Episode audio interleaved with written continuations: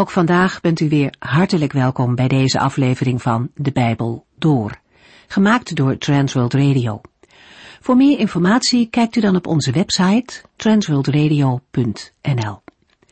In deze serie gaat u in vijf jaar tijd met ons de Bijbel door, van Genesis 1 tot en met het laatste vers in Openbaring 22. Vandaag denken we weer na over een gedeelte uit het Bijbelboek Spreuken. In hoofdstuk 5 komt Salomo terug op een thema waar hij al eerder over sprak, namelijk overspel. Hij waarschuwt zijn zoon en tegelijkertijd ook vele andere luisteraars om niet in te gaan op de versierpogingen van vreemde vrouwen. Anders gezegd, vrouwen die niet de zijne zijn. Wees trouw aan je eigen vrouw, dat is de boodschap van hoofdstuk 5. Het onderwerp ligt de spreukendichter na aan het hart. Vandaag komt het opnieuw terug in hoofdstuk 6. Overspel maakt veel kapot. De Bijbel is ook in het Nieuwe Testament heel duidelijk over dit onderwerp. De Heere God ziet als geen ander de pijn die overspel met zich meebrengt in relaties en gezinnen, en hij verbiedt het. God wijst een andere weg, omdat hij het geluk van mensen op het oog heeft. Gods weg is die van de trouw. Om problemen te voorkomen, moet de zoon niet naar het huis van de vreemde vrouw gaan. Afstand houden is een veilige weg om niet te vallen voor de verleiding. Want hoe dichter bij iemand komt, hoe moeilijker het is om nog terug te gaan. In de kiem smoren van allerlei verleidingen kan veel narigheid voorkomen. Maar er is nog een aspect. De vader praat in dit hoofdstuk ook over het plezier dat er ligt in een goede, ook seksuele relatie in het huwelijk. Als dat goed is, waarom zou iemand dan op zoek gaan naar overspelige relaties? En tot slot wijst de vader er ook nog op dat alles open is voor God. Ook dat is een reden om niet te zondigen. Het huwelijk is belangrijk in Gods ogen. Het is een afspiegeling van de relatie tussen Jezus Christus en zijn gemeente. In het Oude Testament wordt de verhouding tussen God en Israël er ook vaak mee vergeleken. Wanneer Israël de afgoden achterna liep en God niet meer diende, noemt de Bijbel dat overspel. God weet wat het is wanneer iemand bedrogen wordt. Hij kent de tranen en hij begrijpt ze. Maar één ding is zeker, God zelf zal altijd trouw blijven. Daar kunt u van op aan. Wij lezen verder in Spreuken 6 vanaf vers 16. In de vorige uitzending hebben we gelezen in Spreuken 6 vers 12 over een nietsnut en een dwarsligger. In de beschrijving van zo'n persoon staan zeven negatieve eigenschappen. De eigenschappen zijn 1. Het vertellen van leugens. Je hoeft hem alleen maar aan te horen. 2. Zijn blik. Let maar op hoe hij kijkt. 3. Hoe hij met zijn voeten stampt. En 4. Hoe hij met zijn vinger wijst. De vijfde negatieve eigenschap lezen we in vers 14. Het verdraaien van woorden in zijn hart. Waar zijn hart vol van is, loopt zijn mond van over. 6. Hij heeft voortdurend kwaad in de zin. En 7. Hij zorgt altijd voor oneenigheid. Volgens de traditionele Joodse uitleg vormt de laatste eigenschap de climax van de opsomming. Een nietsnut en een dwarsligger zorgt altijd voor kwaad en ruzie. Spreuken 6 vers 16 tot en met 19. Er zijn veel dingen die de Heere haat, en zeker zeven waarvan hij een afkeer heeft. Hoogmoed, liegen, moorden, slechte plannen smeden, met plezier kwaad doen, vals getuigen en verdeeldheid zaaien onder broeders. Nadat zeven negatieve kenmerken van de nietsnut en dwarsligger zijn genoemd, volgen nu zeven zaken die voor de Heer een gruwel zijn, waarvan hij een afkeer heeft. Ze worden gepresenteerd in de vorm van een spreuk met oplopende getallen. Het gedeelte begint met een algemene inleiding die de nieuwsgierigheid van de lezer of luisteraar moet wekken. De vader of wijsheidsleraar zegt in de Hebreeuwse tekst, dat de Heere zes dingen haat en dat zeven dingen een hartgrondige gruwel voor hem zijn. Daarna volgt, in de versen 17 tot en met 19, een opsomming van de zaken waar de Heer een afkeer van heeft. We lazen in de genoemde versen hoogmoed, liegen, moorden, slechte plannen smeden, met plezier kwaad doen, vals getuigen en verdeeldheid zaaien onder broeders. Het is duidelijk dat een mens die de genoemde dingen doet, niets anders dan kwaad in de zin heeft. Het zijn zaken waarvan expliciet wordt gezegd dat de Heere ze haat en er een afkeer van heeft. Het is niet verwonderlijk dat zonden als moord en leugen worden genoemd in Exodus 20. Wie tegen de instructies uit de tien geboden zondigt, overtreedt de belangrijkste leefregels van de Heere. En een mens die wetten overtreedt, weet dat overtredingen worden bestraft. We hebben in deze versen dan ook te maken met een impliciete oordeelsaankondiging. Er zijn veel dingen die de Heere haat, en zeker zeven waarvan hij een afkeer heeft. Luisteraar, mogelijk dat u wat vreemd opkijkt van de woorden de Heere haat. Maar daarbij moet u bedenken dat het woord haten in de Bijbel niet altijd de betekenis heeft die wij er in het gewone leven aan geven. Soms betekent het er geen waarde aan hechten of op het tweede plan stellen. Daarnaast is het voor sommige mensen ongelooflijk dat de Heere kan haten. Maar de Heere is niet alleen een God van liefde, hij is ook een heilig en rechtvaardig God. Als de Heere zijn volk en alle mensen onderwijst over de juiste en goede levensweg, dan is daarvan de consequentie dat zij die zijn weg niet gaan en zijn onderwijs naast zich neerleggen, daarover verantwoording moeten afleggen. Waarom? Omdat de Heere de schepper is van hemel en aarde en al wat leeft. Als de schepper van alle dingen is hij in de positie om rekenschap te vragen van uw, jouw en mijn leven. God is liefde, maar hij haat het kwaad. Als mensen dingen doen waar de Heere een afkeer van heeft, dan roepen zij daarmee het oordeel van God over zich af. Romeinen 3 vers 5 en 6. Maar als onze onrechtvaardigheid de rechtvaardigheid van God bevestigt, hebben wij dan recht van spreken? Is God dus onrechtvaardig als hij ons oordeelt? Dat is natuurlijk een menselijke gedachte. Nee, God is niet onrechtvaardig. Anders zou hij toch geen rechter van de wereld kunnen zijn. In Psalm 94, vers 10 lezen we: De Heere leert de volken hoe zij moeten leven. Daarom zal hij hen ook straffen. En iets verderop in Psalm 94, vers 12 en 13: Gelukkig is de man die door u wordt getuchtigd, Heere, die van u onderricht krijgt in uw wetten. Hij zal rust ervaren in moeilijke tijden zelfs als zijn vijand een val voor hem opzet. Wij mensen leven in een wereld van tegenstellingen. Iemand die de zonde lief heeft, zal het goede haten. De Bijbel, het woord van God, laat zien dat God liefde is, maar hij haat het kwade. In Prediker 3 vers 8 lezen we, er is een tijd om lief te hebben en een tijd om te haten.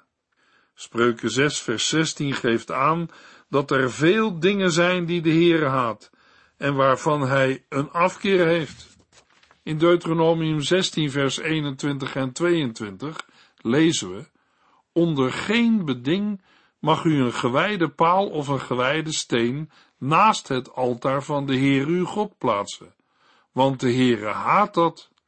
De Heere haat iedere afgod of iets wat de plaats van de Heere inneemt in ons leven en hart. In Psalm 45, vers 8 lezen we: De Heere houdt van rechtvaardigheid en haat wetteloosheid. Ook in het Nieuwe Testament komen we deze dingen tegen. Ik noem één voorbeeld. In Openbaring 2, vers 6 zegt de Heer Jezus tegen de gelovigen in de stad Efeze: Het is wel goed dat u de verderfelijke praktijken van de Nicolaïten haat, want ik haat ze ook. De Heere zal beslist een schuldige niet zomaar vrijspreken. Zijn wetten staan vast en zijn onverbiddelijk. Maar er is in Christus wel verzoening en vergeving mogelijk voor een ieder die oprecht in hem gelooft. We gaan terug naar Spreuken 6. In het geval van de ondoordachte borg en de luiaard is er geen sprake van het bewust uitvoeren van kwaad. Het is veel meer een vorm van passiviteit die ellende teweegbrengt. In de pericoop over de nietsnut en dwarsligger hebben we wel te maken met iemand die bewust kwade dingen doet of veroorzaakt. Jonge mensen in de tijd van Salomo en in alle tijden worden gewaarschuwd voor dergelijke ontaardingen. Het kan wel lijken dat iemand ongestoord kan zondigen, maar een mens ontkomt niet aan een plotselinge en onherroepelijke ondergang. De Heer houdt de zaken immers in de gaten en bestraft vroeg of laat het onrecht.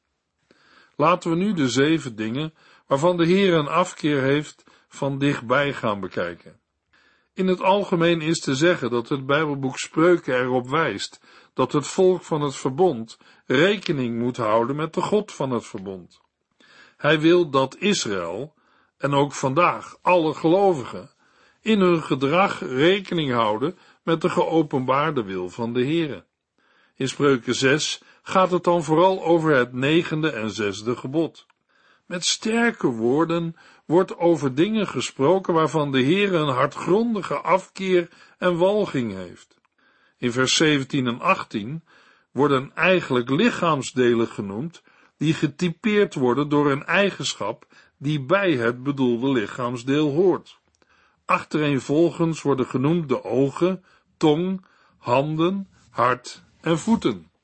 De dingen waar de Heer een afkeer van heeft, zijn dan ook hoogmoedige mensen, leugenaars, moordenaars, mensen die een vals getuigenis afleggen en hen die misdadige plannen uitdenken en verdeeldheid zaaien onder broeders. Bij ogen hoort onder andere hoogmoed. Trots komt vooral naar voren in een uitdrukking van het gezicht. Liegen, vals getuigen en verdeeldheid zaaien is vaak verbonden met de tong, met dingen die we zeggen of verzwijgen.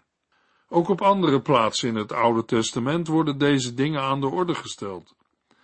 In Jesaja 59 vers 7 lezen we, Uw voeten snellen naar de zonde, en er wordt gemakkelijk onschuldig bloed vergoten.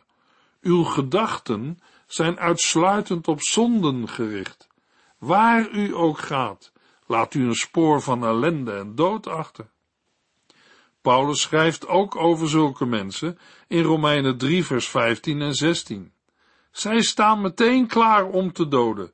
Waar zij geweest zijn, laten zij een spoor van verwoesting en ellende achter. In vers 19 worden geen lichaamsdelen meer genoemd, maar personen. Bij een vals getuigenis hoort een leugenaar. En bij verdeeldheid zaaien een onruststoker. In Exodus 20 vers 16 zegt de Heere, beschuldig niemand op valse gronden. Verdeeldheid onder broeders moet niet worden beperkt tot de leden van een gezin, maar duidt ook op bloedverwanden, stamgenoten, vrienden of volksgenoten. In Matthäus 5 vers 9 zegt de Heer Jezus, Gelukkig zijn de mensen die vrede brengen, want zij zullen kinderen van God worden genoemd. Spreuken 6 vers 20 tot en met 22. Mijn zoon, houd je vast aan de geboden die je vader je gaf, aan de wet waarnaar je moeder leefde.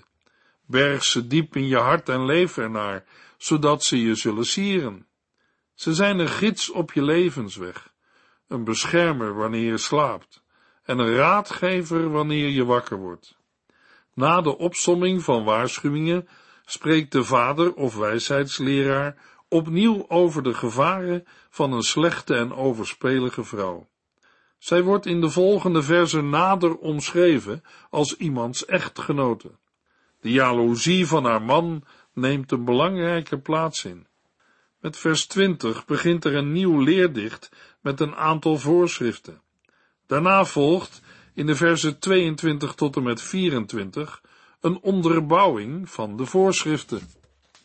De zoon krijgt opdracht vast te houden aan de geboden van zijn vader en aan de wet waarnaar zijn moeder leefde. De waardevolle aansporingen die zijn ouders hem hebben gegeven, moet hij steeds weer als een sieraad om zijn hals binden.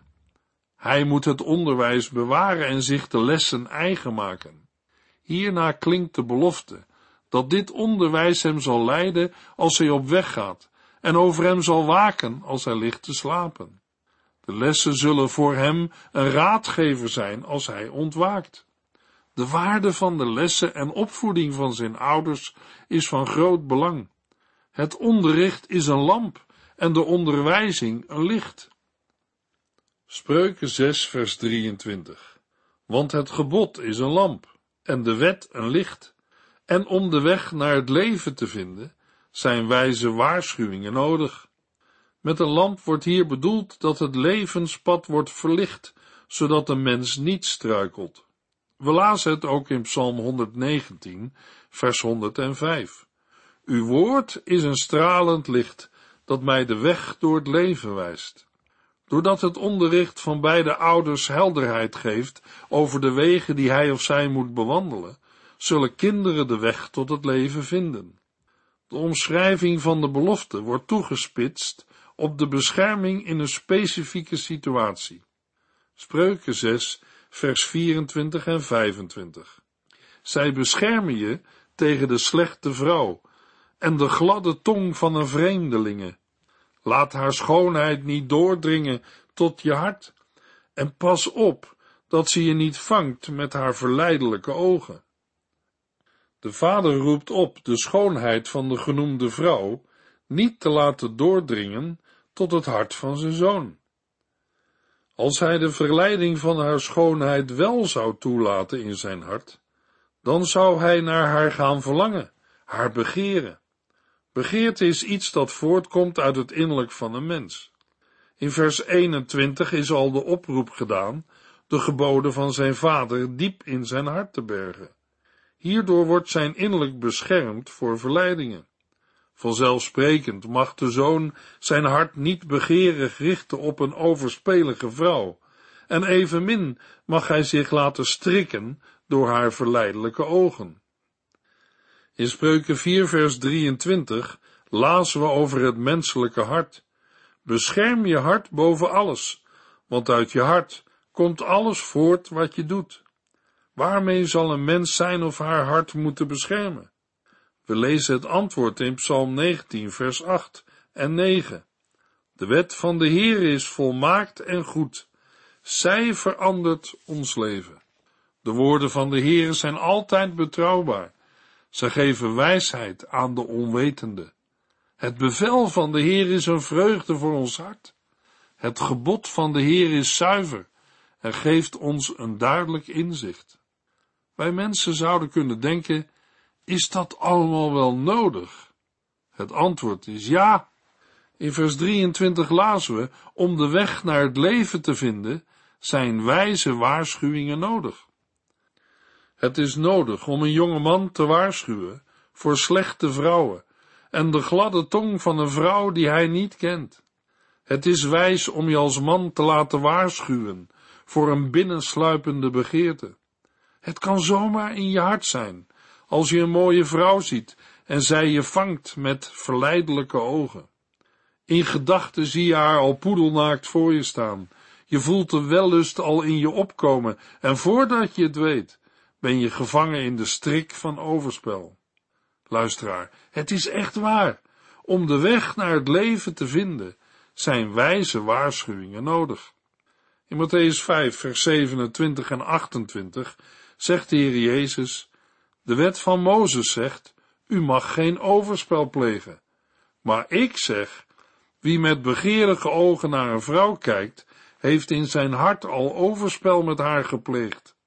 De zonde zit in uw, jou en mijn hart. Spreuken 6, vers 26. Want de omgang met een hoer heeft tot gevolg dat je droog brood eet.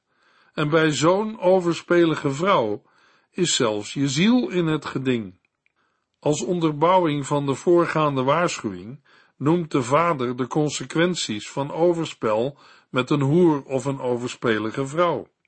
Ten eerste stelt hij in de versen 26 tot en met 33 dat de bestraffing buitengewoon zwaar is en dat mensen geen begrip voor hem zullen hebben. Ten tweede is de jaloezie van de echtgenoot van de vrouw zo sterk dat geen compensatie mogelijk is. De tekst geeft een op zich merkwaardige vergelijking tussen een hoer en een overspelige vrouw. De strekking van vers 26 is erop te wijzen dat een getrouwde vrouw die op overspel uit is, gevaarlijker is dan een hoer. Omgang met een hoer kan tot armoede brengen, maar omgang met een overspelige getrouwde vrouw tot verlies van je leven. We zagen al eerder dat op echtbreuk de doodstraf stond. Vanzelfsprekend spoort de vader zijn zoon niet aan om een prostituee te bezoeken, maar hij wil het verschil laten zien tussen het bezoeken van een hoer en de omgang met een overspelige vrouw. Een prostituee kost de zoon geld, maar een overspelige vrouw zal hem ruïneren en te gronden richten. Dat blijkt ook uit de volgende vergelijkingen. Spreuken 6 vers 27 tot en met 29. Zou iemand die met vuur speelt zich niet branden? Iemand die op kolen loopt geen blaren op zijn voeten krijgen? Dat geldt ook voor degene die zijn handen niet van andermans vrouw kan afhouden. Die zal zijn straf zeker niet ontlopen. De vraag in vers 27 is duidelijk, maar in de Hebreeuwse tekst minder algemeen dan in onze vertaling. In het Hebreeuws klinkt de vraag of iemand vuur in de plooi van zijn mantel kan stoppen, zonder dat zijn kleding zou verbranden. Daarna vraagt de vader of iemand zijn voeten niet zou verbranden, wanneer hij wandelt op gloeiende kolen. De beeldspraak heeft betrekking op hem die de vrouw van zijn naaste benadert. Met het gaan of aanraken van de vrouw van een naaste gaat het niet om onschuldige dingen, niet om een burenvisite of een vriendschappelijke omhelzing. De woorden die in de grondtekst gebruikt worden, vinden we ook in Genesis 20 vers 6. En in Genesis 6 vers 4 tot en met 6 lezen we, maar Abimelech had nog niet met Sarah geslapen en zei, Heere, wilt u een onschuldige straffen? Hij, Abraham, heeft tegen mij gezegd dat zij zijn zuster was, en zij heeft dat bevestigd. Ik kon niet weten dat ik iets verkeers deed. Dat weet ik, antwoordde God. Daarom heb ik voorkomen dat u zou zondigen en haar aan zou raken. Bij aanraken of woorden van gelijke strekking gaat het dan ook om gemeenschap hebben met andermans vrouw. Wie gemeenschap met haar heeft, zal zijn straf zeker niet ontlopen. Overspel zal onherroepelijk leiden tot bestraffing. In de versen 30 tot en met 33 wordt aangegeven hoe onherroepelijk en langdurig de schade en schande is die volgt op overspel. Spreuken 6 vers 30 tot en met 33. Dan komt iemand die steelt omdat hij honger heeft er beter vanaf. Is hij eenmaal opgespoord, dan moet hij misschien zelfs met alles wat hij bezit dubbel en dwars terugbetalen. Maar iemand die overspel pleegt, heeft zijn verstand verloren, want daaraan gaat ook de ziel kapot. Schade en schande zijn zijn deel. Zijn wandaad wordt niet meer vergeten. Een dief komt er relatief genadig vanaf in vergelijking met iemand die een relatie aangaat met een getrouwde vrouw. Iemand die steelt om zijn honger te stillen, wordt door de mensen niet veracht, omdat hij uit noodzaak handelt om te kunnen overleven. Een dief moet misschien zelfs met alles wat hij bezit dubbel en dwars terugbetalen. Uit deze woorden blijkt dat een dief een zware vergoeding moet geven voor wat hij heeft gestolen. Vergeleken met de straf voor diefstal is de moeite die volgt op overspel veel groter. Wie echt breuk pleegt, heeft zijn verstand verloren, want daaraan gaat ook de ziel kapot. Hij zal schade en schande oogsten en zijn smaad zal niet worden uitgewist. De man wordt publiekelijk te schande gemaakt en deze schande zal op hem blijven. In de versen 34 en 35 geeft de vader aan hoe ernstig de confrontatie met de haatdragende echtgenoot is. Jaloezie zal die man tot woede brengen en hij zal geen medelijden kennen op de dag van de wraak. Deze beschrijving van de boosheid van de bedrogen echtgenoot mogen we niet opvatten als een uiting van blinde woede, waarbij de man buiten juridische kaders vergelding zoekt. In de wetgeving van het Oude Testament was het mogelijk om echtbreuk voor het gericht te brengen en de doodstraf tegen de echtbreker te eisen. Juist omdat het bij echtbreuk om een publieke zaak gaat. Om het met de woorden van Spreuken 5 vers 14 te zeggen, iemand maakt zich diep schuldig voor ieders ogen. Daarom komt het ook tot een officiële rechtszaak. Als in vers 34 wordt gesproken over wraak, is dit niet de persoonlijke wraak van de bedrogen echtgenoot, maar gaat het eerder om een officiële rechtszaak. Op het moment dat de man voor het gericht moet komen, bestaat er bij de bedrogen echtgenoot geen bereidheid meer een regeling te treffen. Hij zal van geen verzoening willen weten en niet bereid zijn enige afkoopsom te aanvaarden, wat je hem ook aanbiedt.